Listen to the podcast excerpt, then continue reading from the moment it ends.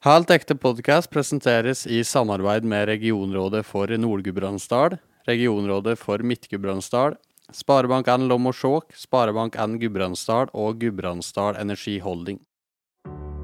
Du hører på Helt ekte med næringsliv i Gudbrandsdalen. I denne podkasten skal vi prate med gründere, eiere og ledere i et mangfold av interessante bedrifter. Mitt navn er Andreas Kleiven. Dagens gjest er advokatfirmaet Tallaug og daglig leder samt partner Aslak Runde og partner Ingrid Klokk Sandberg. Med dem skal vi prate om rekruttering, kansen som drifter et advokatbyrå i Innlandet, og 100 års historie. Aslak Runde, Ingrid Sandberg, hjertelig velkommen til Helt ekte. Tusen takk for det. Takk skal du ha. Hvordan står det til om dagen? Jeg vil si det går uh, veldig bra om dagen på alle mulige måter. Uh, både på jobb og ellers i livet, for min del i hvert fall. Ja, fordi du var vel nesten på tur til å bli uh, småbruker eh, på et tidspunkt, Aslak? Ja, det stemmer det. Men småbruker og småbrukere, vi hadde to geiter og sju høner. Eh, Ja. Men eh, jeg arva et småbruk eh, på 90-tallet. Så da fikk jeg med meg kona mi, som er lillehamring, til å ta noen år på Sunnmøre, på, på den gården. da, På et lite småbruk i Volda. Med, vi drev det til to, to geiter og sju høner, men det var et veldig idyllisk og fint sted. Ja. Barndomshjemmet til faren min. ja, ikke sant? Så, men når vi er inne på det, kan ikke du bare fortelle oss litt om, eh, om hvem du er, og hva du har gjort, og, og hvilken rolle du har i dag i tallet? Ja. Jeg er jo synes jeg er lillehamring, selv om eh, altså foreldrene mine flytta til Lillehammer da jeg var ti år. Så jeg har liksom hatt ungdomsåra og oppveksten i, i Lillehammer. Um, og ehm, studert juss i, i Oslo. Um, og var tenkte da kanskje litt mer i retning av Sunnmøre og sånn. Jeg har alltid hatt sånn Sunnmøre som sånn uh, feriesparadis. Vært der, Faren min hadde jo lærerferie på åtte uker, så jeg var liksom åtte uker hver sommer i Volda på runde osv. Så, videre. Ja, ja. så jeg tok jo masteroppgave var Vitas på Institutt for sjørett og skrev avhandling om vrakfjerningsansvar. Oi, Da studerte jeg ett år på hvem er det som har ansvaret for å fjerne et vrak, og konkluderte med at jeg er eieren. ja. Det var en ganske opplagt, opplagt konklusjon. Men øh, så etter det da, så det, begynte jeg i Lovavdelingen i Justisdepartementet. øh, Med en veldig spennende jobb der. Men så kom dette her småbruket ganske fort opp, så vi flytta til Sunnmøre. da. Der var jeg dommerfullmektig i eh, Søre Sunnmøre tingrett i Volda. eh, og da hadde vi allerede fått to barn, jeg og kona. Så kom de to siste år mens vi bodde i Volda. Så vi har jo jeg er jo firebarnsfar, mm. og mm, var i Volda og Ørsta som advokat i noen år òg. Men etter fem år så kjente både jeg og kona at liksom Gudbrandsdølen eh, lokka oss hjem. Vi var, eh, Sunnmøre er et feriested, men vi, vi hører til her. Og da flytta vi hjem, og jeg begynte i Tallaug i 2002. ja. Og så ble du eh, partner i 2006 og daglig leder i 12? Stemmer, stemmer. Ja. Mm. Så har jeg vært partner i eh, 18 år, og så har jeg vært daglig leder i 12 år når jeg kommer til jul nå, da. ja, riktig. Hva innebærer daglig lederrolle? Det er en eh, litt annen form for ledelse å være daglig leder, eller som vi kaller det managing partner, eh, som er på en måte lederstilen hvor du, eh, sånn som i hvert fall vi tenker at du bør være advokat sjøl når du skal lede et advokatfirma. Ja. Det har vært litt ulike retninger på det, med eksterne ledere som bare er ledere osv., men hos oss er det managing partner. Og Da er det jo at du i all hovedsak er advokat med full portefølje og, og, og, og jobber som advokat, men i tillegg så har du da det lederansvaret. Eh, og så er det jo en veldig, veldig bestemt eh, og talefør gjeng eh, du da skal lede. Så det å, det å lede advokater er jo ikke Du kan ikke kjøre en sånn militær kommandostruktur osv. på deg. Så det er mer om å trekke opp noen, noen, eh, noen verdier og noen retninger osv. Lede skuta. Så det, det blir ikke mer enn eh, kanskje si 10% 20 maks eh, av tida som går med til ledelse, egentlig. Resten er å være advokat som de andre firmaene. Ja, riktig. Så tenker jeg litt min, eh, min filosofi har vært å fortelle historien og definere hvem vi er, og, og hele tiden jeg har vært veldig bevisst på, på måte, å ta ordet ved alle anledninger når folk går av ved jubileer, ved sommeravslutninger, juleavslutninger. For, prøve å fortelle hele tiden historien og oppsummere mm. hvordan tingene har vært. Så vi får en slags kollektiv forståelse av hva, hva firmaet er. da. Så er det, men så er jo det jo HR-arbeid, og jeg har ingen HR-ansvarlig under meg, så det er jo medarbeidersamtaler, og det er økonomi og regnskap, og det er de vanlige ledertingene òg, da. Ja. Men, eh, så det er veldig spennende å, å drive med dem, og samtidig kunne være advokat på fulltid ved siden av. Det er rollen takler godt, Ingrid. Absolutt. Mm. Og akkurat det der med at han snakker ved alle anledninger, det, er, eh, det syns jeg er eh, utrolig bra, da. Det gir noe til sammenkomsten. Litt Ja. mer tyngde. Um, og litt mer om hva vi har i veggene, ikke sant. Mm. Informere nye ansatte også. Mm. Du kom jo, det er jo litt kortere tid siden du kom inn i Tallaug. Kjenner du litt på de samme tingene som en Aslak Tækup her med, med Gudbrandsdølen som ropte, ropte på det? Ja, veldig. Mm. Uh, og jeg er glad for at du sier Gudbrandsdøl, for det er jo alltid en diskusjon om du som lillamring kan kalle deg. Gudbrandsdøl. uh, men jeg er døl. Ja. Eh, og jeg har ikke vokst opp med noe småbruk på Sunnmøre, men et småbruk eller en husmannsplass i Lom. ja. Så da mener jeg at jeg har litt mer tyngde når jeg sier det. Absolutt. Nei, jeg hadde bodd, bodd borte i 16 år. Mm. Fått tre gutter. Funnet meg en vestlending. Eh, og jeg ja, kjente voldsomt på at jeg hadde lyst til å flytte hjem. Ja, og klarte å trekke med de vestlendingene òg. Han har flydd mye på ski med børse på ryggen, da. Ja, ikke Så da, sant? da er det lettere å flytte til Lillehammer. Det er klart det. Um, nei, vi um, trivdes godt i Oslo. Men uh, poenget med å flytte hjem til Lillehammer er jo at du, du jobber jo ikke noe mindre eller med noe annet nødvendigvis. Men den eh, hverdagslogistikken blir eh, mye enklere. Mm. Eh, og naturressursene er jo enda mer tilgjengelige, da, selv Ja. om vi bodde godt til i Oslo. Ja, og, det, og skal komme litt tilbake på dette her. Men kan ikke du òg bare fortelle litt om din bakgrunn? Jo, jeg flytta rett etter jeg var ferdig på videregående. Begynte rett på jussen i Bergen. Og så flyttet jeg til Oslo og begynte som ja, bryggeadvokat, får man jo si. Et stort, eh, stort firma. Um, og etter hvert så begynte jeg som dommerfullmektig i Oslo tingrett. Det var uh, utrolig givende år. Um, så ble jeg prosedyreadvokat i NHO. Og så kom koronaen. Ja. Og da ble det den dråpen som skulle til for at vi fant ut at nå, nå er det på tide. Ja. Nå flytter vi hjem. ja. Og da hadde vi prøvd i eh, tre, fire eller kanskje var det fem år med å få Ingrid oppover. Og hun hadde sagt fra starten jeg kommer, men jeg må bare finne et tidspunkt. Liksom. Da, så da endelig, da. ja. Bare for å drodle litt videre på det, da, Aslak, så, så er det helt riktig at Tallaug holdt jo kontakten med meg i flere år. Um, og vi kommer vel forhåpentligvis litt inn på rekruttering, for det vet jeg, Andreas, at du er like opptatt av Ja. som oss. Eh, Men eh, jeg hadde jo jobbet med Christian Tomren i, i Oslo. Mm. Så når han hørte rykter om at jeg snakket om å flytte hjem, da tok de kontakt. Ja. De inviterte meg på møte, inviterte meg på sosiale sammenkomster. Og det fortalte jo meg utrolig mye om hvordan det var å jobbe i Tallegg. Det sier så mye om firmaet eh, at man er interessert i å finne muligheter for å få eh, kompetanse hjem, og at man ønsker at folk skal oppleve at de er ønsket der, da. Ja. Ikke sant? At det er en inkluderende arbeidsplass. Eh, Men jeg hadde ikke snakket med Tallag på en stund når vi tok den beslutningen i april 2020 om å flytte. Nei. Så da ringte jeg Christian og så sa jeg nå, Christian, har jeg sagt opp i NHO, jeg flytter hjem. Jeg håper jo at det er plass til meg. Så gikk det et par timer, så plinga det i innboksen, og da hadde han laget utkast til arbeidskontrakt. Ja, ikke sant? Og igjen, da. ikke sant? Nå kom den muligheten. Det var ikke sånn at de nødvendigvis søkte etter noen, men eh, det er jo ikke alltid det kommer ressurser man har lyst til å ansette, og da må man ta muligheten når den kommer. Mm. Nå skal litt tilbake på rekruttering. Eh, men Aslak, når vi liksom er inne på det her, da, hvorfor var det så viktig å få tak i Ingrid? Hvorfor hadde dere vært så Ingrid er jo en fantastisk eh, flink eh, advokat. Eh, det er jo det ene. Eh, og så er det det som hun var inne på nå, med at vi når de flinke altså Det kommer veldig bølger, det med, med og Når de flinke folka kommer hjem, så må vi ta de på en måte. Mm. Og det er langt mellom, og så er plutselig så kommer det mange på en gang. på en måte. Så er vi heldigvis førstevalget på Lillehammer i, av advokatfirmaer, så vi får de gode og de flinke når de kommer. Men det er det å slå til da. Og da var det det med den spontane, effektive, raske, bare være der med en gang. Og det er godt at du hadde inntrykk av at vi fulgte raskt opp da. Det er viktig for oss å være ekspeditte på det. Det er jo også ellers som advokat veldig viktig å være ekspeditt og rask, og ikke at ting ikke blir liggende. Ja. Men eh, Ingrid, ja, det var, Ingrid var, hadde jo den bakgrunnen også, som passa veldig inn i, i, i firmaet vårt. da Hun utfyller eh, fyller et behov og, som har vært veldig viktig. Mm, mm. Ja, veldig bra. Eh, nå har vi jo prata litt rundt Tallaug og litt rundt eh, bakgrunnen deres. Men Ingrid, hva en, Skal trekke det litt tilbake. Hva, hva er det en advokat gjør? Hva ser hverdagen til en advokat ut?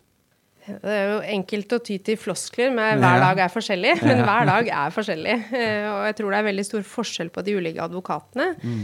F.eks. hos oss så har vi jo eh, altså tiden for den helt sånn generalisten som advokat, den er nok litt forbi. I hvert fall eh, ja, bortsett fra helt på bygda, kanskje. Men, men, de fleste må være litt spesialiserte. Så hos oss er vi tre avdelinger. Eh, vi er en avdeling for privatjus, eh, en avdeling for fast eiendom, der det bl.a. er veldig mye bistand til landbruket. Ja. Eh, og så er det um, vår næringslivsavdeling, da, eller mm. forretningsjus, der både Aslak og jeg jobber, i og for seg. Og det er jo sikkert det vi skal snakke mest om i dag. Men for vår del så går det mye på å rådgi bedrifter. Det betyr at vi er med på eh, mange av de vurderingene som gjøres i bedrifter i dalen. Eh, og så er det ikke så ofte at folk kanskje vet at vi har vært med på disse tingene. Så vi driver med veldig mye spennende som vi ikke kan fortelle om. Ja. ja. Eh, nei, men vi er med der vurderinger gjøres og beslutninger tas.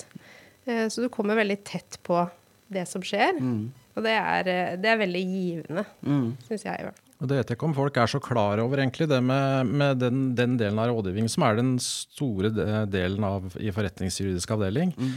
Folk tror at advokater liksom går i retten og prosederer og vinner og taper saker. og Det er jo en del av det vi gjør, men særlig i forretningsjuridisk avdeling så er det veldig sjelden at det havner i retten. For næringslivet i Dalen og andre steder skjønner at det er, det er, litt dumt å bruke penger på, på rettssaker, egentlig. De prøver, løsningsprosenten og andelen er mye høyere i, i næringslivsjussen enn i eiendomsjussen og i personjussen, hvor rett skal være rett, på en måte, mm. så er det sjelden lønnsomt å ta en sak til retten. Så, så, veldig mye av det som skjer i den avdelingen, er jo uten motpart. Mm. Altså Det er rådgivning til en klient. Vi er med og, og drodler og drøfter. Og, og, da går vi jo av og til litt utenom den rene jussen. Du får etter hvert et innsikt i, i, i næringslivet i dalen, økonomi og hva som er lurt og ikke. og Du føler at du blir med, glir litt over en bedriftsrådgivning etter hvert, noe av det. Selv om vi skal være forsiktige med det, for det er jussen vi kan. Mm. Men det er veldig mye av det vi gjør, er uten motpart og har ikke noe med rettssaker å gjøre. Da, i hele tatt. Og det skiller jo også egentlig en del fra andre bedrifter. da, at vi, mm.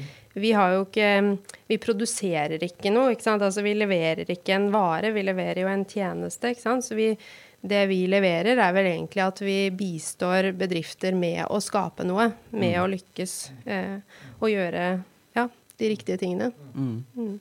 Tallaug ser jo ganske annerledes ut i dag enn det de gjorde for nå over 100 år siden, når det egentlig rota til selskapet ble etablert. Mm. Kunne dere dratt oss litt igjennom historia? Da, der tror jeg jeg må ja. si at Aslak eh, vet veldig mye mer enn meg. Du kan ta de tre siste årene, kanskje. ja. Ja. Nei, jeg, jeg, har ikke vært med hele veien heller, da. Men, eh, men um, vi har gitt ut en bok i forbindelse med 100-årsjubileet vårt, og jeg har hørt mye om dette opp gjennom åra, så jeg skal ikke dra veldig mye om historikken. men men det som er litt artig, mm, i og med at vi i dag er, har en veldig stor museumsportefølje, vi driver bistår mye museer og innenfor kultur og media osv., det starta jo med at det var sønnen til Anders Sandvik, grunnleggeren av Maihaugen, som eh, på en måte stifta firmaet vårt i 1919. Mm. I Jernbanegata, der Sport1 eh, er i dag, så var det et hus hvor det var tannlege Sandvik og advokat Sandvik, far og sønn. Ja. Han, han, på Maihaugen han var jo også tannlege, ikke sant? så de hadde felles telefonnummer. Så de kunne ringe til tannlege og advokat. og det var tre siffer i det nummeret, visstnok, så det var litt andre tider. Og, og da var det, der starta det for 104 år siden, da, i, i 1919.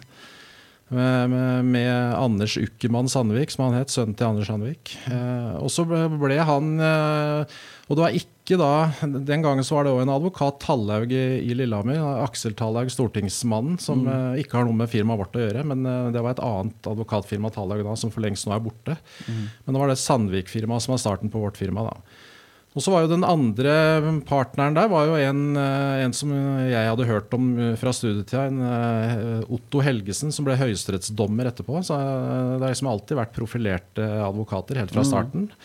Og Der begynte det. Og så har det vært opp gjennom ulike faser. og Jeg vet ikke hvor, hvor, interessant mye av det er å høre om nå. Men OL-perioden var en, eh, en milepæl hvor vi, hadde bortimot altså veldig mye av jussen for IOC og, og, og, det som var med OL. Det var forhandling av TV-rettigheter i USA og i Lausanne. og Veldig mye juss rundt, rundt, OL. på en mm. måte. Det er firmaet på Lillehammer som fikk, fikk hele den biten der.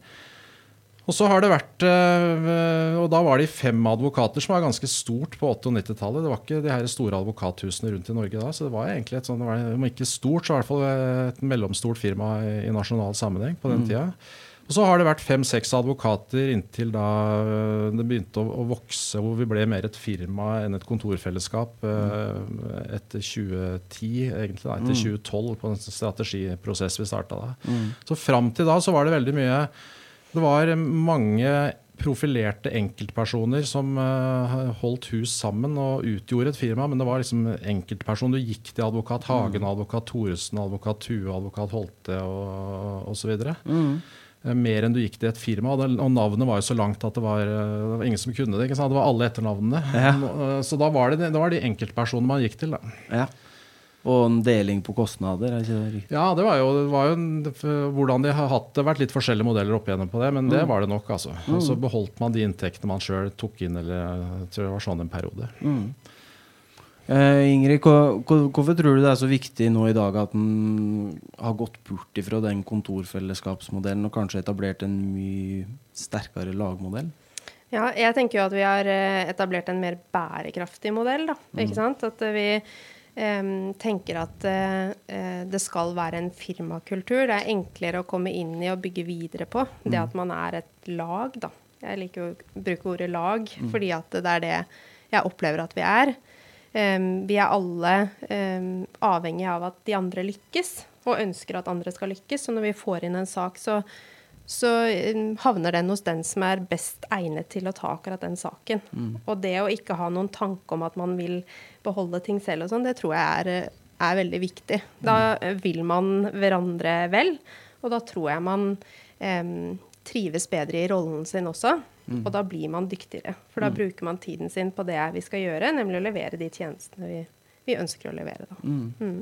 Hva, hvor viktig tror dere eh, ja, Du er inne på det med å være egentlig kjent som OL-advokaten. Hva- Den profileringa som dere fikk, og de gjorde jo en eksepsjonell jobb. Hvor viktig har den vært, tror dere? Tror den var jeg Skal ikke overdrive den, men det, det var jo nesten ikke rettssaker osv. etterpå. Så det var jo gjort åpenbart en veldig god jobb på det. Eh, Og den profileringen og den eh, kunnskapen og kompetansen som har vært bakover i tid, er vi åpenbart eh, veldig stolte av. Og det har vært viktig for oss, litt tilbake til Ingrid sa om at det sitter mye i veggene hos oss. eh, Det at du får, eh, Når det er et, så, eh, et firma med så lange røtter og så mye, hvor det har skjedd så mye ikke sant? Så vi, vi kan Gudbrandsdalen, og vi kan eh, ulike typer hus. Vi har vært borti veldig mye opp igjennom. Og det sitter det håndverket som det også er å være advokat, det sitter i veggene. på en måte, og du du, du, du ligger i lufta på en måte i, i lokalene. Og, og det er en veldig viktig forutsetning for å, kunne drive godt i dag. Mm. Så det har vært åpenbart veldig mange flinke folk bakover. Men nå er det litt det som nå er samla inn i et lag, på en måte den teamtenkningen som er helt nødt til å gjøre i, i, nå, i den tiden vi er i nå. Da. Som, eh, som vi, er, vi driver helt veldig annerledes enn de gamle folka gjorde. Eh, Så det er jo helt nytt når vi starta på Høstbjørn i 2012 med en sånn ordentlig samling i bånn på strategi, eh, og til det vi er i dag, så er det veldig mye annerledes. Og så er det jo, selv om det, det har skjedd mye endringer opp igjennom, så er det jo noen noen tradisjoner som står seg. Postmøtet er fortsatt flittig brukt, skjønner jeg. Ja, ja, ja, postmøte det har vi hver morgen klokka halv ti. Ja. Da møtes de av oss som kan. Eh, Gjerne alle, men de som kan. Da møtes vi og fordeler post. Og det er jo ikke lenger det Kanskje kommer det ett brev. Det er veldig lite. Så det er jo ikke det vi snakker om. Eh, da har man gjerne med seg en eller annen liten Post-It-lapp eller et eller annet. ikke sant? Når du har gått og grubla på et eller annet som du veldig gjerne vil få eh, fem, seks, sju, åtte, ni, ti andre eh, hoder på. Ja. Eh, Så det tenker jeg jo er Det er en ordentlig sånn kjerneverdi hos oss at vi drøfter ting sammen. Eh, Så det postmøtet det reflekterer jo mye av eh, firmakulturen. Ja. Det at man skal lytte til de andre og komme med innspillene sine. Ja. Bare for å trekke litt på egen erfaring, da, så sitter jeg i et lignende miljø og en lignende eh, struktur der vi har tilsvarende møter. Og det er jo ekstremt viktig for å skape nettopp de synergieffektene. Men da er det jo òg desto viktigere å ha veldig mye takhøyde for å kunne nettopp utføre de diskusjonene riktig. Nettopp. Ja. Og da slenger vi ut noe. Ikke sant? Og så er det ikke nødvendigvis ikke sant? Da kan vi jo noen ganger si sånn OK, dette her er fra hofta juss, ikke sant. Ja. Vi, det er kanskje ikke et rettsområde vi jobber med. Men, men, det er egentlig Man får en ganske god magefølelse på juss da, når du har jobbet med det i mange år.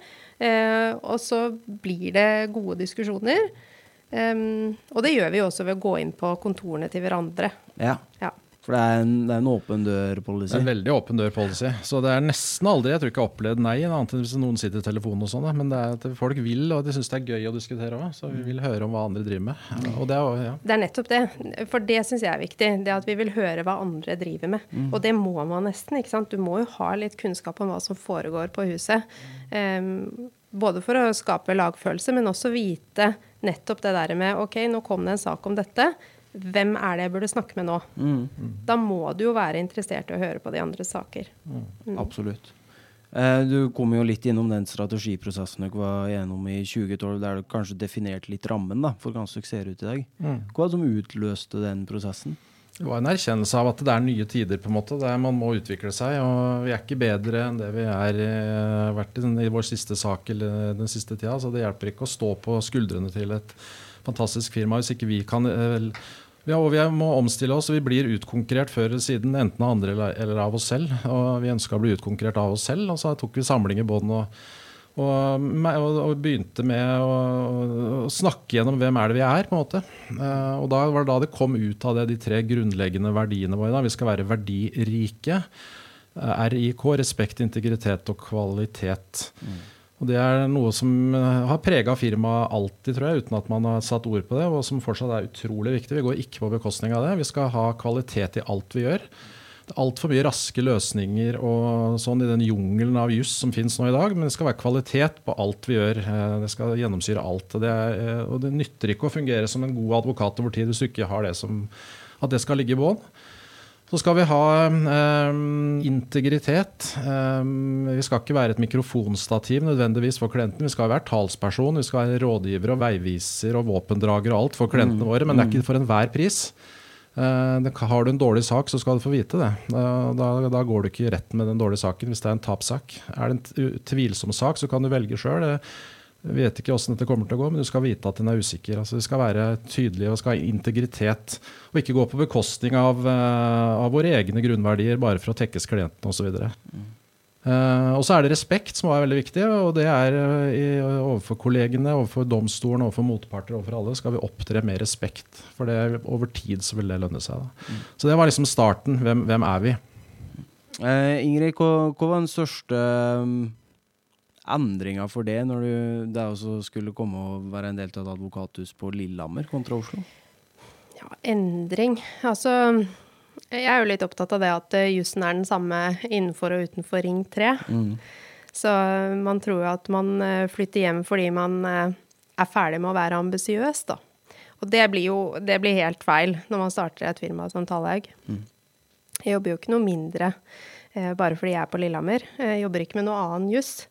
Eh, så jeg tror den største forskjellen for meg er at du kommer så utrolig tett på. Mm. Ikke sant? Du, du, får være med på en større bredde av beslutninger. Eh, og du tas med inn i styrerommet, ikke sant. Altså du, du, kommer tett på. Det er egentlig for å oppsummere det. Mm. det. Det, tror jeg var den største forskjellen. Mm. Og så viser det seg jo nå disse siste årene at dere evner å vinne tilbake en del Oslo-kunder. Hva, hva er det dere gjør eh, riktig i så måte? Ta litt lavere timepris. Ja. det er en god start. Det er en tredjedel, eller eh, i hvert fall halvparten av det de tar i Oslo. Så du mm. får jo akkurat det samme hodet som jobbet i Oslo for tre år siden, da. Eh, og så betaler du en tredjedel. Det, det er jo selvfølgelig et konkurransefortrinn. Mm. Det er jo Ja, det er eh, For kvaliteten er, tør jeg si med hånda på hjertet, den samme og i mange tilfeller bedre enn, eh, enn det du kan få i Oslo. Og I hvert fall hvis du ser i forhold til pris. Da, ikke sant? Fordi Der er det mye veldig spesialiserte advokater, mens du får en litt mer bredere orientert rådgiver til en tredjedel eller halvparten av prisen eh, her oppe. Så vi hører det stadig vekk at det er en del av de store bedriftene sånn som har prøvd seg med Oslo-advokater og blir liksom sånn utslitt av salærnivået i, i Tigerstaden. Mm. Og vender hjem igjen, på en måte. Og skjønner mm. at det Og det er når bare ta med når jeg er i sånn markedsføringsmodus på det. Vi har, liksom, har den lokalkunnskapen vi har. Og vi kjenner Gudbrandsdølen og Lynne og tenkningen, og kjenner eh, seterløkken og områdene og hvordan næringslivet tenker i forretningshussaker osv. Lokalkunnskapen i tillegg til at vi er akkurat like gode jurister enten vi jobber på brygga eller her. Det er jo den samme Ingrid som jobba der som jobber her. Vi har den samme utdanningen, er de samme universitetene som de som havner i Oslo. Så når du da får den til halv pris, eller en tredjedel av prisen, så burde jo det være et ganske opplagt valg for hvem du da skal gå til. Vi, vi tror at det er et uslåelig konkurransefortrinn etter hvert, og at det er grunnen til at vi nå spiser oss stadig innover i, i, i andre deler av landet. Og det har vi gjort nå særlig de siste årene. Og så er det en ting til, og det er jo at um, um, det jeg syns kjennetegner mange av mine kollegaer, er at de er veldig nysgjerrige. Ikke sant? Man er interessert i hva bedriftene driver med. Eh, og det tror jeg er utrolig viktig. Så hvis jeg hadde flyttet hjem og tenkt at eh, ja, men nå kan jeg, kan jeg dette, så nå skal jeg hjem og vise Gudbrandsdalen, Ja. da tror jeg jeg hadde fått en ganske kjedelig arbeidshverdag. Eh, det å komme hjem og tenke at jeg er så nysgjerrig på alle de dyktige folkene som får til ting. For det er så utrolig mange bedrifter som får til mye i Gudbrandsdalen. Og det å tenke at her kan jeg lære, tenke at jeg skal få lov til å være med på dette, da skaper man seg jo en mye bedre arbeidshverdag. Eh, og jeg tror at eh, man blir en bedre advokat av det også. Definitivt. Eh, Så antar jeg jo at når, sånn som når du kommer tilbake, da, Ingrid, at eh, det å få med folk fra Oslo kan kanskje føre til noen naturlige eh, kundeoverganger, muligens. Men kan synliggjøre dere og markedsføre dere for nettopp de Oslo-kundene? For dere, skal skal jo ikke stå og banke på døra til, til selskapene her.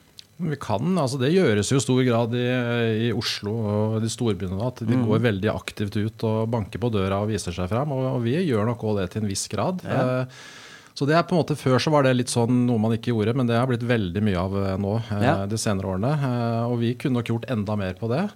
Men vi gjør ikke veldig mye av det, og vi har jo alltid hatt nok å gjøre. på en måte, så vi har, Det er litt skummelt at man da blir litt sånn, kanskje litt sløv på det, men det kunne vi gjort enda mer av. Men jeg tror det viktigste for å for å få de store og interessante kundene er jo bare å levere kvalitet. Eh, Så vil det sive ut og gjennom etter hvert.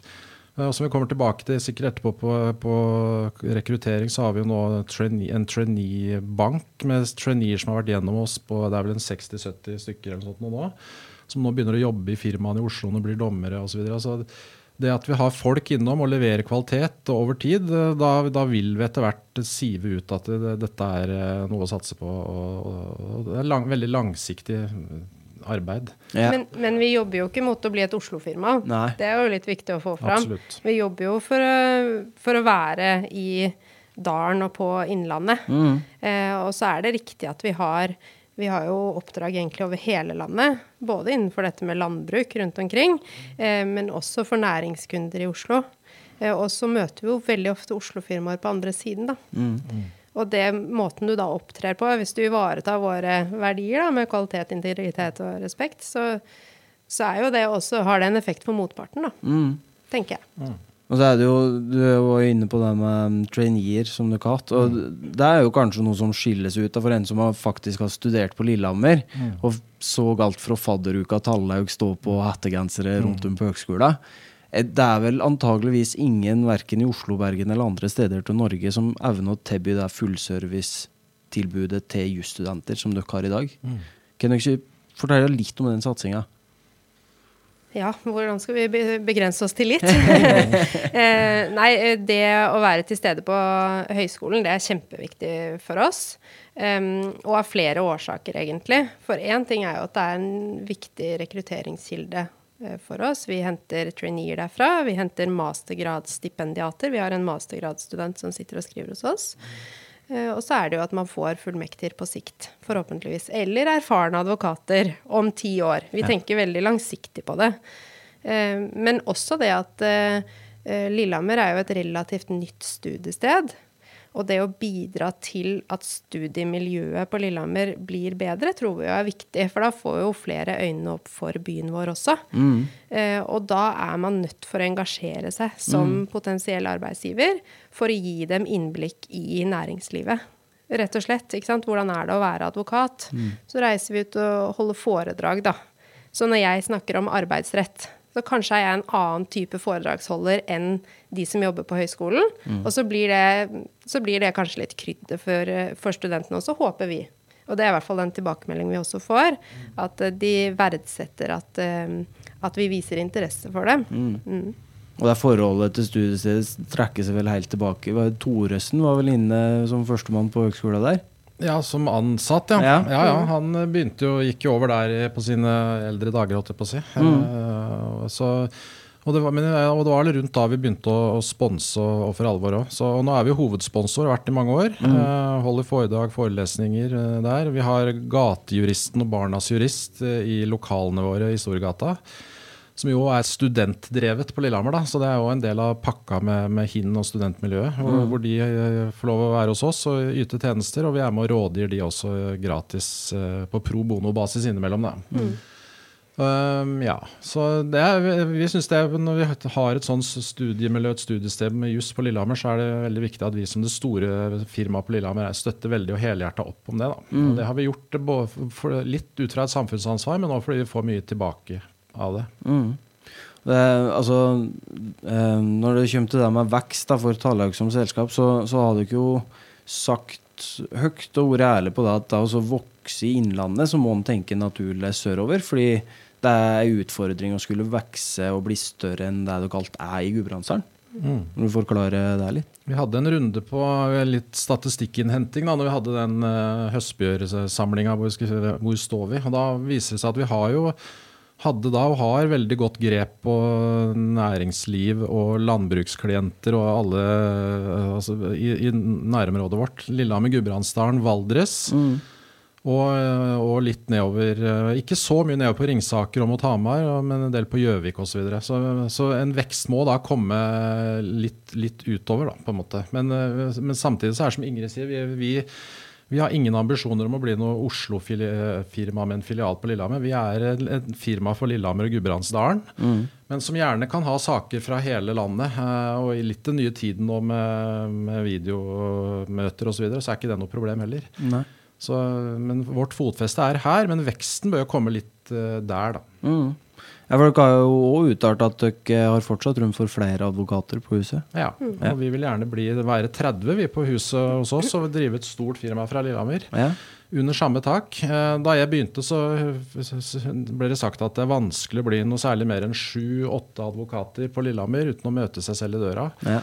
Så ble vi 8 og 10 og 12, og nå er vi 15. Og det er ikke noe stort problem når vi håndterer habilitetsreglene helt etter boka.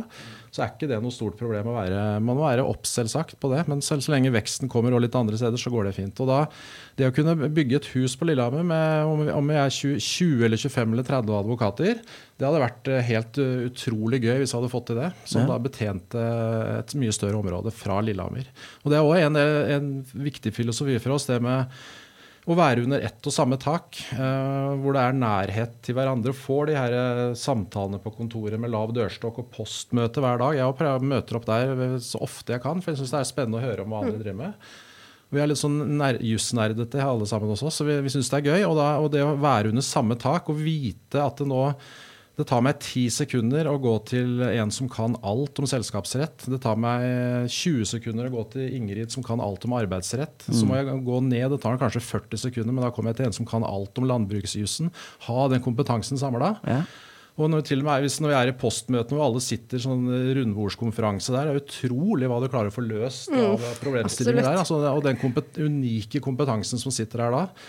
Der får du løst omtrent hva det skal være. I, i, det. Så det å ha, være samla, og gjerne enda flere, så vi kan bli enda mer spesialiserte, samtidig som vi er allrounder i bunn, som vi skal være, det er liksom drømmen, da. Men om vi klarer å bli 30 på Lillehammer, det blir etter min tid antagelig. Men, eh, men vi er 15 nå, vi, og det ligger an til at vi ansetter enda en nå i disse dager. Så, vi, og vi, så er nok fort vekk eh, 16-17-18, om ikke altfor alt lenge, tror jeg, da. Heldigvis. Mm.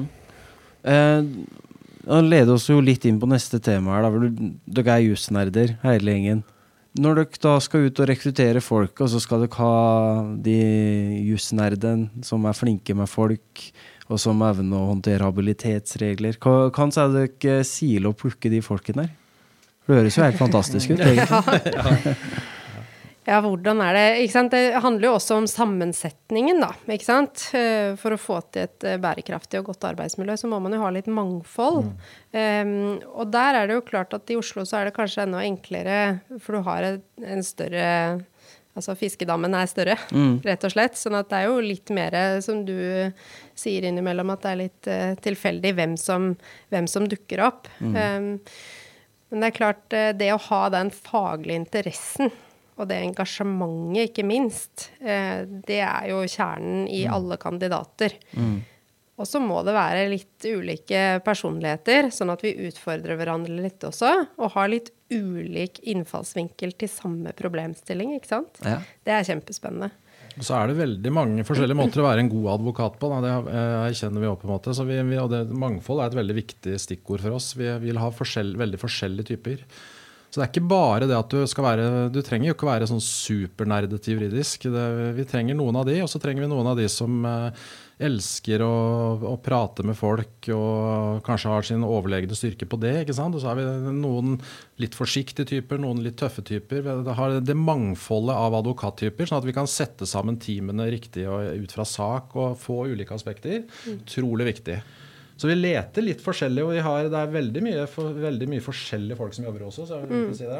Jo, men uh, gjerne enda mer forskjellig også. Ja. Men uh, det jeg har hørt, da, og slik jeg har oppfatta dere, i den grad jeg har vært eksponert for dere som, som advokater, så får jeg jo høre at dere er ekstremt profesjonelle. At det gjennomsyrer alt dere gjør. Det er også skulle ta inn nye advokater, og så skal du lære dem til å håndtere både den personlige relasjonen som er så viktig, og profesjonaliteten. Kan, kan skåle fram? Ja, ofte så kommer det jo litt erfarne advokater, da. Ikke sant? Vi har jo ofte litt erfarne som, som kommer inn til oss, og da vet vi jo noe om hvordan de har eh, gjort akkurat det. Men, men advokatyrket er jo et uh, håndverk. Eh, jeg har jobba en del år, men jeg opplever allikevel at det er fryktelig mye å lære. Um, og det å utvikle seg Jeg tenker at eh, du egentlig aldri blir utlært i det å være en god advokat. Og det å balansere de personlige relasjonene med um, det veldig nerdete eh, juridiske, og hvordan du skal kommunisere det både til egen klient, men også til motparter, til retten osv., um, tenker jeg jo er um, Det er en ja. livslang læring. egentlig, Ja, det er en livslang Så- læring. Så, så hvordan går vi fram? Nei, vi har postmøte, da. Nei, vi, vi er jo tett på fullmektigene våre. Ja. Eh, Det er vi jo. Fadderordning. Ja, Mm. Eh, Og så er det det at Så lenge du staker ut Du får en erfaren advokat som kan stake ut kursen i en sak. Så at nå, har- nå har vi fått inn denne saken, og nå skal du jobbe i den retningen. Mm. Hvis du får den dytten, så klarer den nye- uerfarne å grave kilder og finne alle detaljene. Men det er det, hvis du ikke får den første dytten og kursjusteringa, så kan du jobbe helt i feil Mm. retning. Så det er å komme tidlig inn og peke ut en kurs. Og Og så få være med. og så få være Ikke minst få være med. Mm. og være med litt forskjellige advokattyper og si at vi gjør ting på forskjellig måte. Mm. Så der er det, det er sikkert enda mer å hente på det. og Vi, vi har ikke et like profesjonelt uh, opplæringssystem som de store advokatmaskinene har, med, med Gretteskolen osv. Mm. Men vi, vi har en Tallhaugskolen, vi, selv om vi ikke har satt navn på det. Med et formalisert program, at du skal være med på forhandlinger, du skal være med på prosedyrer, skal, gjøre, skal gjennom en del sånne ting. Da. Og så har du en fadder og en mentor som du kan forholde deg til. Og så er det et livslangt prosjekt. Jeg var lærer men masse ting hele tiden. Ikke, ikke bare jus, men håndverket, altså. Når det kommer til nye advokatfullmektiger, da, så er jo åpenbart Lillehammer en viktig plattform. Eh, dere utgjør jo en plattform i den grad at dere er synlige i Oslo-markedet. Hva, hva anser dere som de viktigste plattformene deres for å få de folkene her i tida framover? Oi, ja, det, var et, det er jo egentlig et stort spørsmål. Um, men jeg tenker jo at vi, eh, vi kan godt snakke om at vi er flinke, og at vi får til ting og sånt noe, men det, det viktigste er jo egentlig å vise det, ikke sant? Eh, hvordan vi opptrer. eh, det er jo det som blir den beste markedsføringen. Det å levere gode tjenester. Og så er det det å være til stede. Det er jo ikke bare i Oslo, men vi er jo til stede også. Vi reiser til Bergen når det er arbeidslivsdager der. Eh, vi snakker med studenter fra Tromsø. Ikke sant? Altså det å være Starte allerede når folk er på, på studiet, da. Eh, og hvis de da får et godt inntrykk av oss, så tar de det jo med seg utover i arbeidslivet sitt også. Ja. Mm. Hvor, hvor viktig er den um, Dere har jo en egen dere har en tallhøgskole, men hvor viktig er den delen med at når de kommer inn, så har dere en eh, dere kan gi dem raskere eksponering både for ulik fagfelt, men også for rettssalen tidlig? Mm. Det tror jeg, og det er kanskje litt underkommunisert, eh, tror jeg. At det, du, du får eh, masse prosedyreerfaring eh, og mulighet til å gå i jordskifteretten og tingretten og forliksrådet og lagmannsretten var en av de unge fullmektige nå som, som skal i lagmannsretten nå neste uke. Er, du, får, du blir, du blir kasta veldig fort ut i det, det, og det. Og det er jo litt kanskje kan du si på godt og vondt, for det jo, noen vil oppleve det litt skummelt. Blir, for du får veldig mye ansvar tidlig. Uh, og, og, men det tror jeg er viktig at du tør å ta. For at det du, er helt, du, du er nødt til å være Du kan ikke være skuggredd som advokat og ikke tørre å, å ta det ansvaret. Så det må du bare mm, på en måte lære fra, fra starten av. Hvis du da har med en rådgiver på det og kommer i retten tidlig, og sånn, så får du en helt annen erfaring, i hvert fall på det enn du får i de store store firmaene, hvor det gjerne går mange år. Det er ikke sikkert du engang kommer til noen rettssak eller prøvesak Nei. noen gang. Så, og den brede rådgivningen som du sa, at du er med og, og, og rådgir bredt eh, på forskjellig. Vi, jo, vi sitter jo nesten 100 styrer i firmaet vårt, så det er jo med på den rådgivningsbiten som nå trekkes med i, om ikke inn i styrerommene. men du, men det er en, jeg vil si at du får en, det er en god juridisk oppdragelse å, å begynne hos oss. da. Mm. Så er det med all respekt, det er masse flinke folk i andre firmaer, og det gjøres veldig mye bra. Vi er ikke noe på noen måte unike på det, men vi har den, den som du får i et sånn mellomstort advokatfirma med, med spesialiserte allroundere, som vi liker å kalle oss. At du får en mye større bredde, og du får en tilgang til klienten mye før du møter klientene. Du trekkes inn i styrerommene, og du går i retten. Så sitter du, starter du i et stort Oslo-firma, så begynner du på bånn og utreder og skriver notater og ser knapt en klient eller en dommer, i hvert fall litt satt på spissen i starten. Så, det, så, det, så, den, så vi anbefaler veldig, og det er litt underkommunisert kanskje, det, den muligheten her. da. Som en jusstudent, altså, det er jo veldig kommunisert òg innenfor økonomi, men i jussen så er det jo veldig kommunisert da, at du lærer, du lærer et fundament for å utvikle det som advokat når du kommer ut i arbeidslivet, men du lærer ikke hvordan du faktisk arbeider som advokat. Er det, er det, Det er helt riktig. ja, er det, er det like at dere ønsker å ansette generalister, og så skal de komme inn, og så finner de sine felt og får lære hos dere? Vi ønsker at, og det, det står i flere strateginotater hos oss, at du skal, vi skal dyrke allrounderen. Skal, alle skal beherske grunnleggende avtalerett, skatterett, prosedyre og en del sånne ting som du bare må kunne. Selskapsrett. Selskapsrett, ja, og, og sikkert noen flere òg.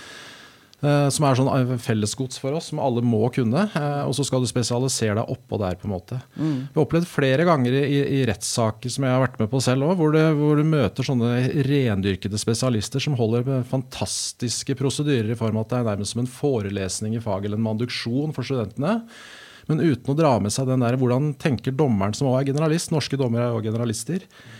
Så vi, de snakker ikke til de dommerne de litt over hodet eller litt på en annen måte enn vi som er generalister gjør. Og du kanskje ser noen sammenhenger som, eh, som spesialistene går, går glipp av. Da, på en måte. Så vi, og det ønsker vi på studentene, de nyutdanna òg. Gå, gå litt og bytte mellom avdelingene. Ta saker fra litt her og der.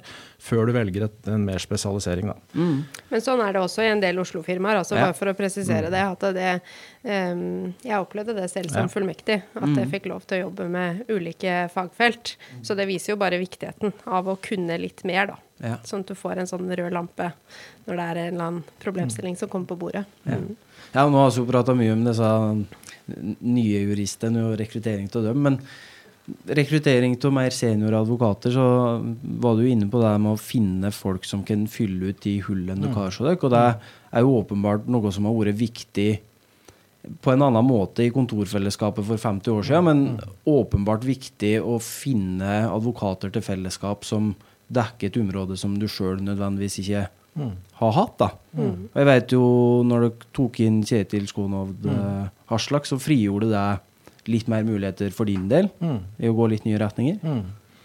Ja, jeg var jo bobestyrer da, i, og, eh, i da, så kom jo han inn, og han er jo Innlandets eh, si, ledende bostyrer med oppdrag fra flere forskjellige tingretter. Og jobbe, jobba nesten et helt liv med bo, bo, konkurs og insolvens og bobehandling. Så når han kom inn der nå, så, ble det, så, så er jeg fortsatt bobestyrer på det, men det er han som er liksom eh, den som tar det, være faglige fyrtårnet og lederen på det, på en måte. Som, eh, og jobbe desidert mest med det. Da. Så, mm, så det med, med å fylle ut Det vil alltid være behov for å fylle ut på kompetanse, men, eh, men det er jo det å få fylle ut på, på at vi, det med mangfold, at du får ulike typer inn. på en måte. Da. Nå kommer jo Hed, også han, eh, en som vel du gikk helt likt med på skolen, Arne Johan Dahl. Fra regjeringsadvokaten begynte å bli tatt opp likt som partner med deg nå. Som òg fyller en, en, en, gir en ny dimensjon til firmaet vårt. Ikke sant? Som har vært uh, statens advokat i sju år ikke sant? og prosedert og sett dette fra innsiden der. og med en erfaring som vi, som vi ikke hadde. Så det, det, vil alltid være utfylling da, med nye folk når de kommer her. Mm.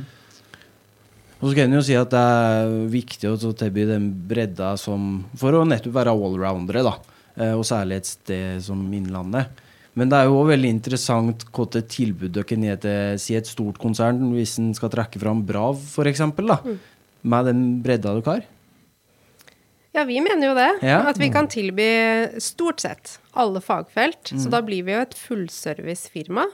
Um, og det, det, gjør jo at vi får uh, at vi blir konkurransedyktige, da. Mm. Også da når det kommer eh, internasjonale selskaper, eller da f.eks. et Oslo-firma. Mm. Ja. ja. fordi Brav er jo én ting, men Christian Tomren har jo også serva Aquatic, som har vært gjest hos oss nå tidligere. Hvor viktig er den eksponeringa mot mer internasjonale selskaper? Ja, det er jo viktig, den. Og det og Nå skal vi ikke gå så langt i å si hvem vi har hatt som klienter opp igjennom, men vi har hatt eh, og har eh, også internasjonale eller firmaer med forgreninger internasjonalt. og det det gir jo en egen nerve og en dimensjon og eh, gjør det spennende, spennende hverdag da, å ha, ha, den type klienter. Mm. Og ikke minst det der med å bygge kompetanse på den internasjonaliseringen som skjer av jussen. Fordi ja. tradisjonelt så har du jo trengt den norske lovboka, og så er du godt dekka. Mm. Og der er det ikke lenger. ikke sant? Du må kunne EU-EØS-rett eh, e uh, uansett. Mm. Det er spennende folkerettslige problemstillinger. Internasjonal privatrett. Vi jobber jo veldig mye internasjonalt. Ja. Det skjer mye internasjonalt også i Gudbrandsdalen. Ja. Mm. definitivt. Ja, og det er jo Er det, er det den største hell? Jussutviklinga noe av det vanskeligste å, å, sørge for å vedlikeholde i et større selskap. Altså, Johs Talhaug har jo sagt dette om at når han, eh, når han eh, studerte juss i 1964, så var lovboka på 720 sider. Mm. Eh, og nå i dag er hun vel over 3000, eller? Mm, ja. ja. det kan godt hende. Den, ja, den trykkes vel ikke nei. lenger i nei. fysisk format? jo, det, jeg tror kanskje den gjør det, men det er vel ingen som bruker den. Ja. den er digitalisert. Der er du for, i hvert fall fikk flest sider per krone. Det var veldig mange sider. og veldig ja. Men, eh, men, eh, ja, det er jo en helt annen lovbok nå enn det var da. Og det er mm. mye mer vanskelig og krevende å følge med nå. Mm. Absolutt. Det, det, hjelper å være litt sånn nerd, da. Ja. For da blir man jo interessert i det. Mm. Ikke sant? Og vi har jo eksempel eh, litt sånn policy på at vi ikke snakker juss i lunsjen. Men jammen meg så sniker det seg inn en dom og en ny, mm. ny lov og ja. Mm hist og her. Og det er opplæring, det. Ja. ja. Hvordan jobber dere um, strukturert med, med utviklinga? Er det um, kompetansekurs? Ja, vi har jo en, eh, en sånn, et Excel-ark med en liste hvor vi har fordelt den, hele den juridiske verden mellom oss. Og mm. alle har eh, hvert sitt felt på en måte, som er dekka. Så du skal vite at uh, det jeg står på. Da, hvis det skjer noe der, så er det jeg som skal følge med på det. på en måte, og Da skal Ingrid kunne komme til meg og si du, var, det ikke noe nytt der nå, osv. Så mm. Så er det det, men det aller viktigste tenker jeg er det, det som vi òg får gjennom postmøtet og det å være generelt opptatt av juss det er at du vet når det skal begynne å blinke en varsellampe at det her er det noen greier som jeg ikke bør sysle med. Nå bør jeg gå til den andre som kan, kan dette. Mm. Så ved å være generalister og være med på postmøtene og jobbe med veldig bredt over tid, så får du en utrolig evne til å skjønne at det her er det kanskje noe jeg ikke bør drive med, så nå må jeg gå til en annen enn på det. Ja. Og så jobber vi med kompetanseutvikling eh, ved at vi har um, gruppemøte. ikke sant? Mm. Altså Forretningsjuridisk avdeling har møte annenhver mandag. Mm. Og da uh, tar man opp den type ting. ikke sant? Og det er mm. ikke for å forklare i dybden, men det er det for å gi disse dryppene, sånn at man vet om det. Uh, og så har vi jo halvårlige uh, ajourføringslunsjer. Ja med den siste nytt innenfor områdene. Mm. Og så er det jo helt fritt, uh, håper ikke alle de ansatte misbruker det nå, men helt fritt å gå på kurs og kjøpe faglitteratur. Altså Det er ingen grense på det. Uh, jeg er jo kjent med at uh, dere har en, kanskje en, en, litt spesiell tradisjon på huset. julekaker. Ja. Hvor i alle dager har du hørt om det fra? Ja, men vet du hva? Altså, det er, på alle arbeidsplassene jeg har vært, Ja. så har det vært et eller annet med lunsjen som er helt sånn særegent, og litt sånn der eh, gammelmodig på et eller annet vis. Og så så er det eh, julekake. Den kommer på onsdager. Ja. Og den kommer på onsdager fordi at det, tradisjonelt på 80-tallet når man begynte med det, eller noe sånt, så var det alltid tilbud på julekake på onsdag. Så da begynte man med det. Og da har man ikke gått bort fra det. Og så er det egg på mandager. Ja. Den julekaka er jo helt gull, den. Altså, så den, og det er ofte litt rester på torsdag, heldigvis. Så Ja. det, ja. Veldig bra. Eh, og så var vi litt inne på konkurransesituasjonen i Innlandet, men en utvikling som man kanskje ser nå, er jo at dere får konkurranse til aktører som ikke nødvendigvis har vært spissa innenfor jussen. Både revisjonsbyråer og regnskapskontorer som, som tar opp kampen. Kan du ikke si litt om det? Vi tenker jo eh, Vår grunnholdning til det at konkurranse er sunt. eh, og det er lett for oss å si som har hatt mye å gjøre alltid og ikke har behov for påfyll. Da. mm. Men eh, det er jo en konkurranse fra de store revisjonsfirmaene som har, særlig på skatt og avgift og, og regnskapsjuss osv. Så, videre. Så Så vi merker jo den. Men eh, jeg tror også de er flinke til å, å innse det at de eh, òg bruker oss eh, når det trengs. Da. Det er ikke alt som er A4, sånn som revis, revisjons- og regnskapsbyråene har det. Når, når det er strømlinjeforma likt fra år til år, så er de veldig gode og gjør det raskt og mye billigere kanskje enn en advokat. Men det er når det kommer avvik og unntak, hvor du trenger den juridiske tilnærmingen, hvor, hvor vi føler at vi blir kobla på da. Altså. Ja. Og så er Så- det noe med at vi heier på andre som får Ja. det til også, da. Fordi at hvis du har disse store revisjonsfirmaene og regnskapsfirmaene, hvis de også lykkes, så blir det jo bare enda større kompetansemiljøer i området vårt. Og det vil jo også um, våre klienter dra nytte av. Kanskje får de enda bedre utvikling, og så blir det enda flere arbeidsplasser der. Da er det større sannsynlighet for at vi kanskje får et uh, skikkelig bra hode hjem til vårt firma også. Så man må se litt stort på det, tenker jeg. Ja. Eh, I mine øyne så virker det jo veldig unikt da, at dere nå i Tallaug har fire advokater med møterett for Høyesterett. Fem har vi nå. Fem advokater. Har det vært en naturlig utvikling, eller er det Det har vært sånn lenge, og det er ganske unikt. Det var en Ja. stund hvor det var fem partnere, og alle hadde møterett. Eh, nå er vi fem igjen. Arne Johan Dahl kom jo med møterett når han begynte med som partner nå.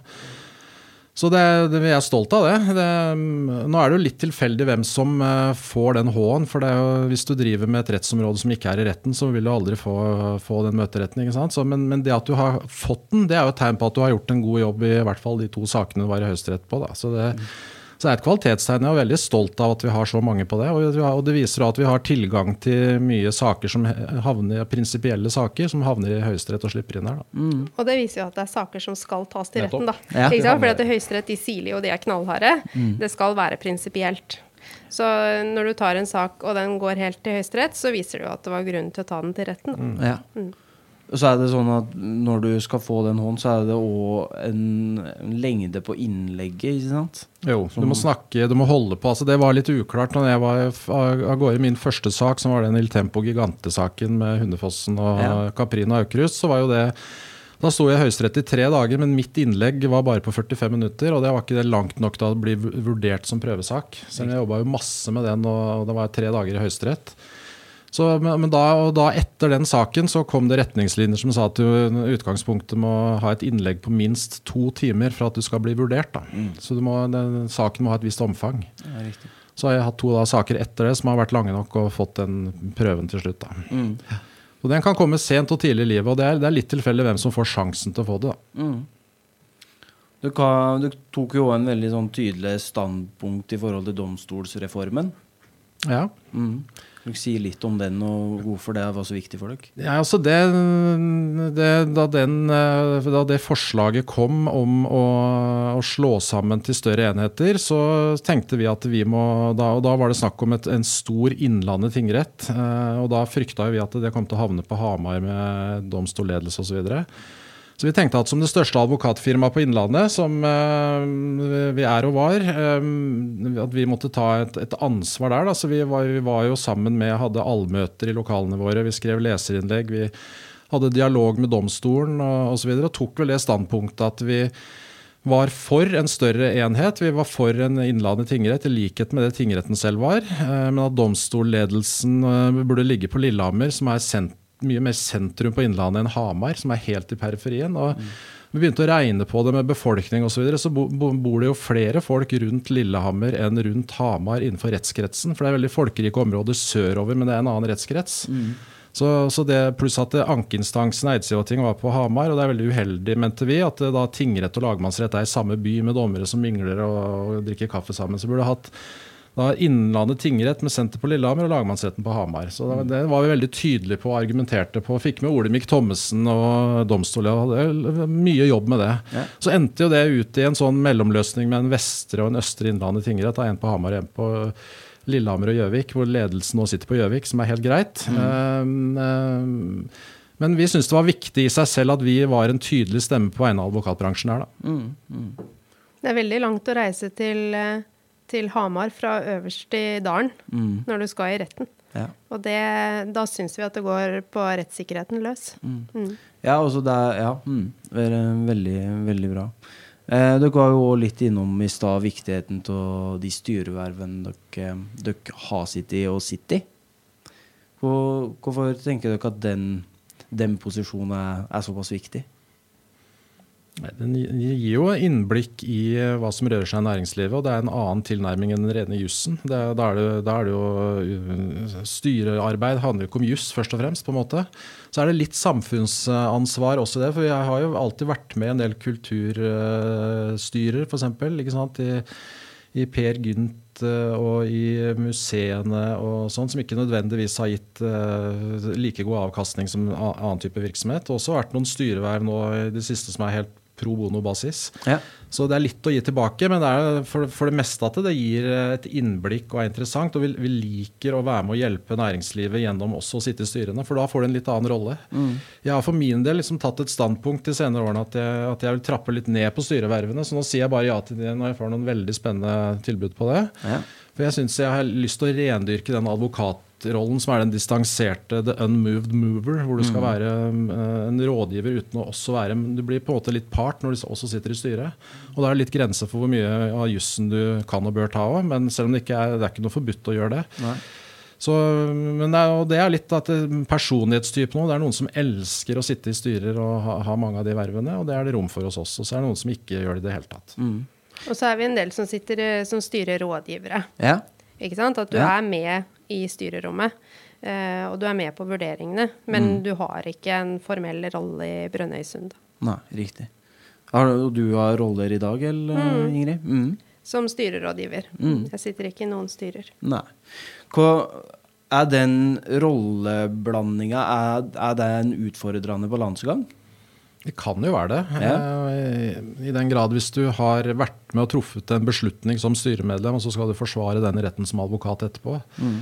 Der, der, er det noen drøftelser man bør ta på det. ikke sant? Og så er det, så er det jo ikke Det er veldig dumt hvis det sitter en advokat i et styre, og så skal du ikke kunne tinglyse et skjøte med overdragelse av en eiendom i det samme styret fordi du er du kan, Det er veldig mye du åpenbart må kunne gjøre. Så er det et eller annet sted går det en grense på det. Men dette har jo vært en diskusjon hele veien, og nå er den nye advokatloven den åpner veldig opp for at du skal videreføre at du kan være begge deler. Ja. Så, men du må ha en bevissthet på, på, at det går en grense et sted der. Da. Mm. Nei, jeg tenkte på det, Andreas, at når det gjelder eh, hva de som i dag eh, tenker på om de skal bli advokat eller ikke, altså om de skal studere juss, mm. så tenker jeg at det er i hvert fall et inntrykk av at det er en litt sånn, uh, en, en, opp, en sånn motivasjon eller en oppfatning på det som, som, blir litt feil i forhold til hva som lønner seg. At man tenker at det da litt sånn Suits-inspirert, kanskje. At da får du eh, masse penger og, og respekt og ære og berømmelse. Og, at du er den der advokatrollen fra disse såpeoperaseriene osv. Mens drivkraften må jo være litt tilbake til det vi har sagt. at du, Hvis du skal bli jurist, så må du være interessert i jussen. Du må synes juss er gøy, eh, og du må ha lyst til å bli advokat og kjempe for rettssikkerhet og fremme rett og hindre urett. Mm. Du har aldri blitt en god advokat hvis, hvis, hvis, du begynner med at du skal tjene masse penger eller eh, at du skal få, få berømmelse. Du må begynne med at juss er gøy. Mm. Og da er det som vi hadde på en strategisamling i, i London i 2019, hvor vi, hvor vi, diskuterte børs eller katedral videre for Tallhaug. Mm. Og da kom vi til, var veldig kort oppsummert at vi, for oss er det viktig å ha det gøy på jobb. Vi skal være flinke på jobb. Og da skal du ikke se bort fra at det blir litt penger som kommer ut av det. på en måte. Men det, det er et resultat av kvalitet og gøy på landet. Ikke et mål i seg sjøl. Akkurat som en idrettsutøver som starter i VM og sier jeg skal bli verdensmester. Da blir du det ikke. Du må fokusere på prestasjonen. Så det tenker jeg at du må, det er feil å begynne på juss hvis du tror du skal bli rik og berømt. Da er det feil motivasjon. Og så er det jo noen deler av advokatyrket som du må akseptere og synes at det er greit å leve med. Ja. Ikke sant? Man jobber ikke Det er ikke noe åtte til fire-jobb. Nei. Eh, Det flyter jo litt på arbeidstid, og vi jobber jo ganske mye. Mm. Og så må du like det der at plutselig så får du kanskje en telefon på kvelden. Eller i helgen. Mm. Eller i ferien. Og så ødelegger ikke det noe for deg. Det er på en måte en del av, av ja, livsstilen, da, får man jo egentlig si. Det er vel en av quotene til Harvey Specter i Suitsa, at the only place where success comes before work is in the dictionary. Det er riktig. Ikke sant? Så det, du, du er nødt til Det er masse, det er hardt arbeid, altså. Det er det. det er, ja. Men på, litt på det Aslaks side, Ingrid. Når var det du oppdaga at du hadde driven som skulle til for å bli advokat? Ja, det var et kjempegodt spørsmål.